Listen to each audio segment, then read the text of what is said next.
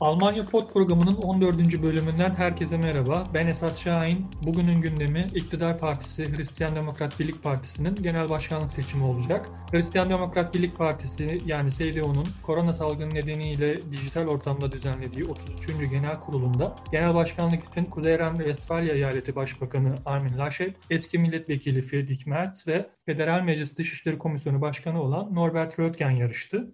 Seçimin ilk turunda Merz 992 geçerli oyun 385'ini aldı. Laschet ise 380 oyda kaldı. Yani ilk turda aslında Merz daha fazla oy almış oldu. Fakat salt çoğunluğun sağlanamaması nedeniyle seçim ikinci tura kaldı. İkinci turda ise yine 991 geçerli oyun 521'ini bu sefer Laschet aldı ve CDU'nun 9. genel başkanı oldu. Merz ise ikinci turda 466 oyda kaldı. CDU Almanya tarihi açısından oldukça önemli bir parti. Özellikle Almanya'nın ve Avrupa Birliği'nin son dönemde önemli etkileri olmuş bir parti. CDU'da Merkel sonrası kimin başkan olacağı uzun yıllardır e, Almanya'da tartışılan bir konu. Bu aslında ikinci deneme ve bu sefer artık kesinleşmiş görünüyor. Konu dediğim gibi oldukça önemli. Bu nedenle CDU'yu çok yakından tanıyan, CDU'da gerek Avrupa düzeyinde gerek yerel düzeyde aktif olarak siyaset yapan hukukçu arkadaşım Sezer Işık ile birlikte değerlendireceğiz. E, Sezer merhaba, hoş geldin. Merhaba Esat'cığım, hoş bulduk. E, çok teşekkürler öncelikle daveti kabul ettiğin için. Ben teşekkür ederim. Rica ederim. Tanımayanlar için şimdi seni kısaca bir tanıyalım Sezer. İsmim Sezer Işık. Hukuk son sınıf öğrencisiyim. 3 yıl boyunca Hristiyan Demokrat Partisi'ne üye olan bir Avrupa Parlamentosu milletvekilinin danışmanı olarak faaliyet gösterdim. Hristiyan Demokrat Partisi içinde de eski Savunma Bakanı Franz Josef Jung gibi isimlerle önemli projeler gerçekleştirdik. Şu an ise İçişler Bakanlığı'na bağlı olan bir kurumda danışman olarak çalışıyorum. Teşekkürler Sezer. O zaman direkt CDU'da gerçekleşen kongreyi değerlendirelim derim. Tabii kongreye gelmeden önce dediğim gibi bu e, Merkel sonrası için aslında ikinci deneme, ikinci başkanlık denemesi. Bu nedenle CDU sence nasıl bir atmosferde seçime gitti? E, Almanya nasıl bir durumdaydı bu seçim sürecinde? Kısaca bunu değerlendirebilir misin? Esat'cığım bildiğin üzere Hristiyan Demokrat Birlik Partisi'nin genel kurul toplantısı koronavirüs salgını nedeniyle dijital ortamda düzenlendi. Buna rağmen parti içinde olan gerginlik tıpkı 2018 yılında olduğu gibi hissedildi bence. 2018 yılında hatırlarsın parti üyeleri bir yol ayrımına girdiler. Friedrich Merz destekçileri partinin artık sağ kanada kaymasını gerektiğini savunurken Annegret Kramp-Karrenbauer destekçileri ise Merkel'in orta çizgisi ilişkisini sürdürmesinden yanaydılar. 2018 yılında parti içinde delegeler ikiye ayrılmıştı ve çok küçük bir oy farkıyla Annegret Kramp-Karrenbauer parti başkanı seçilmişti. Geçmiş genel kurul toplantısını göz önünde bulundurursak parti bu hususta bugüne kadar bir karara varamadığını gördük. Oy kaybı yaşanmaması için parti seçmenine bu tartışmanın yansıtılmaması hususunda büyük özen gösterildi. Ama atmosfer gergin bir atmosferdi. Peki sence partide çeşitli kanatlardan bahsettin. Hangi kanatlar var tam olarak ve bu kanatlar neyi savunuyorlar? Bu soruyu çok basit bir şekilde cevaplandırabiliriz Esat. Bunun için genel kurul toplantısında genel başkanlık için yarışan adaylara bakmak e, yeterlidir diye düşünüyorum. Kuzeyden Westfalia eyaleti başbakanı Armin Laschet ve onu destekleyen Sağlık Bakanı Jens Spahn takım olarak yarışa çıktılar. E, lakin Jens Spahn genel başkan adayı değildi. Bunun da burada altını çizelim. Destekçi olarak çıktı. Eski milletvekili Friedrich Merz ve Federal Meclis Dışişleri Misyon Başkanı Norbert Röttgen de genel başkanlık için yarıştı. Friedrich Merz partinin muhafazakar kanadının adayıydı. Muhafazakar kanat partinin sağ tutumlu bir siyaset uygulamasını savunuyor mülteci sorununda daha kısıtlayıcı bir duruş ve AFD'ye kayan oyların geri kazanılmasına yönelik hareket edilmesini talep ediyor. Amin Laschet ise Merkel kanadının adayıydı.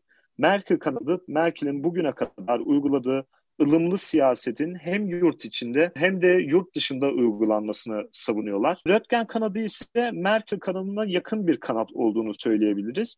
Zaten Röttgen'in oyları da seçimin ikinci turunda çoğunluk olarak Amin Laşet'e geçti. Şöyle Karin Baun genel başkanlığı bırakacağını açıklamasından sonra çok uzun zamandır CDU'nun yeni genel başkanı kim olacak diye Almanya'da tartışılıyor. Laşet'in ve Merz'in kafa kafaya olduğu tartışılıyordu. Yani bir aday çok yarışı önde getirmiyordu aslında. E, sen kimin kazanacağını düşünüyordun ve nedeni neydi?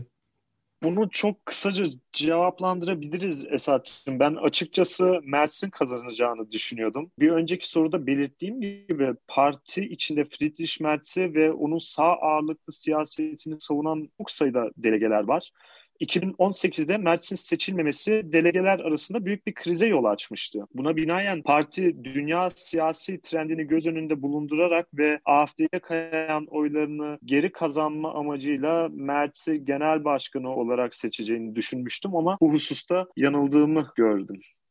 Yani oy tabii dediğim gibi zaten oylar birbirine çok yakın aslında. Çok kritik bir süreç atlatıldı diyebiliriz. Peki bu durumda Laschet'in kazanması öncelikle Hristiyan Demokrat Birlik Partisi ve daha sonra Almanya için sence ne anlama geliyor? En önemli husus Hristiyan Demokrat Birlik Partisi Laschet ile birlikte risk almamayı ve Merkel siyasetini sürdürmeyi seçti. Hristiyan Demokrat Birlik Partisi ve Almanya için mevcut durumda çok büyük değişiklikler olacağını düşünmüyorum açıkçası. Yalnız e, burada çok önemli bir etkene değinmem gerekiyor. E, bildiğin gibi 14 Mart'ta Baden-Württemberg ve Rheinland-Pfalz eyaletleri seçime gidecek. Bence Hristiyan Demokrat Birlik Partisi'nin gidişatını bu iki büyük eyaletin seçiminden sonra daha iyi değerlendirebileceğimizi düşünüyorum. Yani bahsettik adaylar birbirine çok yakın oy aldı. Hristiyan Demokrat Parti, Demokrat Birlik Partisi içerisinde hala iki tane ana akım var denebilir. Yani Mertz'in kaybetmiş olması bu insanların da yok olması anlamına gelmiyor tabii ki. Sence bu ne anlama geliyor? Adayların birbirine bu kadar yakın olması yani partideki grupların dağılımının bu kadar birbirine yakın olması sence ne anlama geliyor peki? Önemli bir soru. Bence seçimlerin ilk turunda sağ kanadın adayı Mert geçerli oyların 385'ini aldı yanılmıyorsam. Delegeler Merkel çizgisini savunan Laşet'e 380 ve modernleşmeyi savunan Röntgen'e de 224 oy vermişti. İlk turda en fazla oy alan iki adayın yarıştığı ikinci turda Laşet 991 geçerli oyun 521'ini alarak CDU'nun yeni genel başkanı seçildi. Merz ise 466 oy aldı. Binaenaleyh Hristiyan Demokrat Birliği içinde önden belirttiğimiz gibi iki ciddi kanat var olduğunu görmüş olduk. Friedrich Merz'i destekleyen ve sağ siyaseti savunan muhafazakar kanat ve Merkel çizgisini savunan orta liberal kanat. Bence Esad 2018'den bu yana gelen bu iki kanadın parti içi tartışmasının gelecek yıllarda süreceğini gösteren bir sonuç oldu. Bu durumda Mertz'in bundan sonra atacağı adımlar ve onu parti içerisinde destekleyenlerin neler yapacağı önemli. Sence Mertz'i nasıl bir süreç bekliyor? Ekonomi Bakanı olmak istediğini açıkladı. Yani partide sıcak bakılıyor mu bilmiyorum. Ne düşünüyorsun bu konuda? Mümkün mü Mertz'in ekonomi bakanı olması önümüzdeki dönemde? Esat'cığım Açıkçası Merkel hükümetinde buna pek ihtimal vermiyorum. Zira Merkel Merz'in şahsına karşı tereddütlü yaklaştığını biliyoruz. Aynı zamanda Merz kendince düzeltmeye muhtaç gidişatın ana sorumlusu olarak Merkel'i görüyor. Ayrıca Merz'in talip olduğu makamda oturan kişi Peter Altmaier. Peter Altmaier Merkel'in çok güvendiği ve sevilen bir siyasetçi. Yıllardır yol arkadaşı diyebiliriz. Merz için Altmaier gibi bir bakanı mevkinden kaldıracağını hiç düşünemiyorum. Merkel kendisi de zaten bu teklifi kabul etmediğini beyan etti. Merz'i partinin birliği ve beraberliği için belki gelecekte bir başka makamda, bir başka fonksiyonda görebiliriz. Gelelim belki de en önemli konuya. Ee, şimdi CDU'da e, Laschet genel başkanlığa geldi. Fakat Eylül ayında gerçekleşecek olan federal seçimlerde CDU'nun ve CSU'nun ortak adayı kim olacak? Şimdi asıl konu bu. E, Laschet kendime aday olacak? Yoksa şu anda tartışılan isimler var. Örneğin CSU'nun Bavyera'daki başbakanı Markus Söder'in adaylığı çok fazla konuşuluyor. Başka isimler de var. Sen bu konuda ne düşünüyorsun? Laşet evet. sence aday olur mu? İlk soru bu. İkincisi olmazsa kimin aday olmasına sıcak bakar? Söder'in adaylığını örneğin destekler mi? Laşet aday olur mu? Evet olabilir. Bence Merkel'den sonra ılımlı bir aday arayan Merkel kanadı Amin Laşet ile birlikte uygun bir aday öne çıkarabileceğini düşünüyorum. Ama senin de dediğin gibi en az Laşet kadar önemli bir isim daha var tabii. Markus Söder. Kendisi Hristiyan Demokrat Partisi'nin kardeş partisi Hristiyan Sosyal Birliği'nin genel başkanı ve Bavyera eyaletinin başbakanı. Muhafazakar ve sert tutumu ile anketlere göre de bayağı popüler bir siyasetçi. Markus Söder, Mertz'in seçilmemesiyle birlikte muhafazakar kesimin tek adayı olarak da gösterilebilir.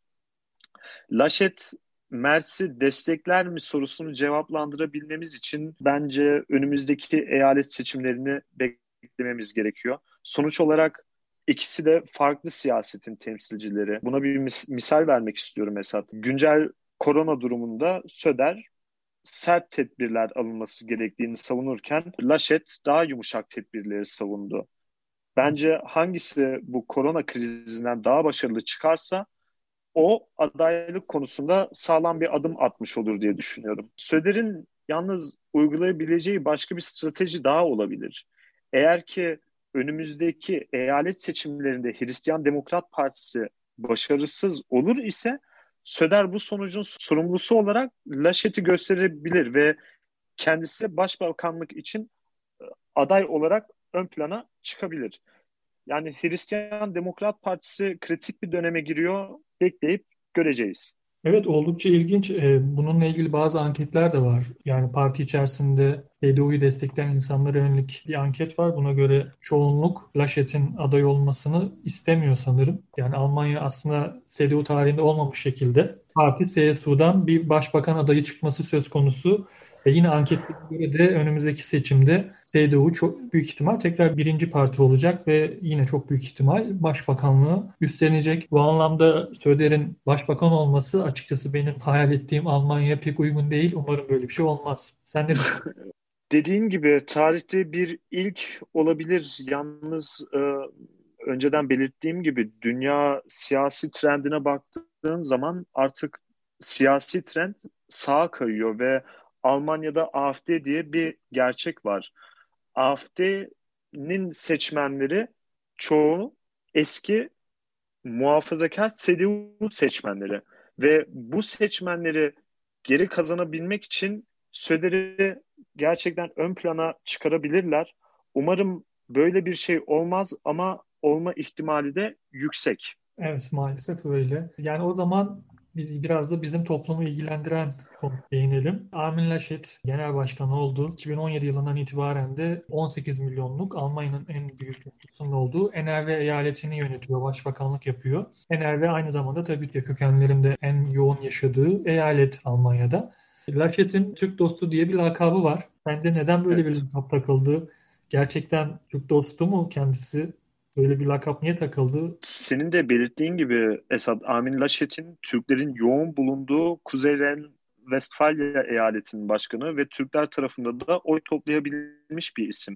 Kendini Katolik dünya görüşüne yakın gören birisi ve CDU'daki ana fikriyatın muhafazakarlıktan ziyade Hristiyan inancından kaynaklanan şefkat ve merhamet gibi unsurların ön planda olmasını savunan birisi. Bundan dolayı zaten Merkel'in mültecilerle alakalı uyguladığı açık kapı politikasını hep desteklemiştir ve kutuplaşmadan uzak bir dil kullanmaya özen göstermiştir. Ayrıca kendisi 15 sene önce Kuzey Ren-Vestfalya eyaletinde ve genel olarak Almanya'nın ilk uyum bakanı olarak tarihe geçti ve ülkenin yükselmesi için zamanında partisinden farklı olarak göçmen çocuklarına ihtiyaç duyulduğunu ve onların önemli bir rol oynadığını vurguladı. Bir Merz veya Söder'e nazaran e, Türklere ve diğer Müslüman azınlıklara daha yakın bir profil çizdiğini söylemek mümkündür.